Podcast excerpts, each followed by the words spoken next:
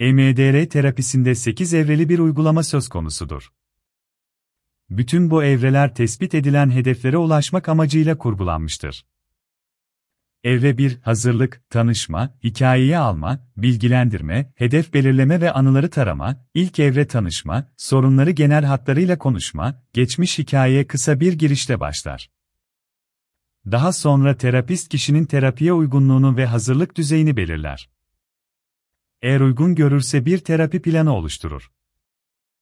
Danışanın ihtiyaçları doğrultusunda EMDR terapisinde çalışılacak terapi hedefleri belirlenir. Hedefler genellikle rahatsız edici geçmiş yaşantılar, anılar ve bugün rahatsızlık veren güncel sorunlardan oluşur. Bu hedeflere ilaveten danışanın ihtiyaç duyduğu becerilerin kazanımı ve geleceğe yönelik sağlam bir modelde tasarlanır.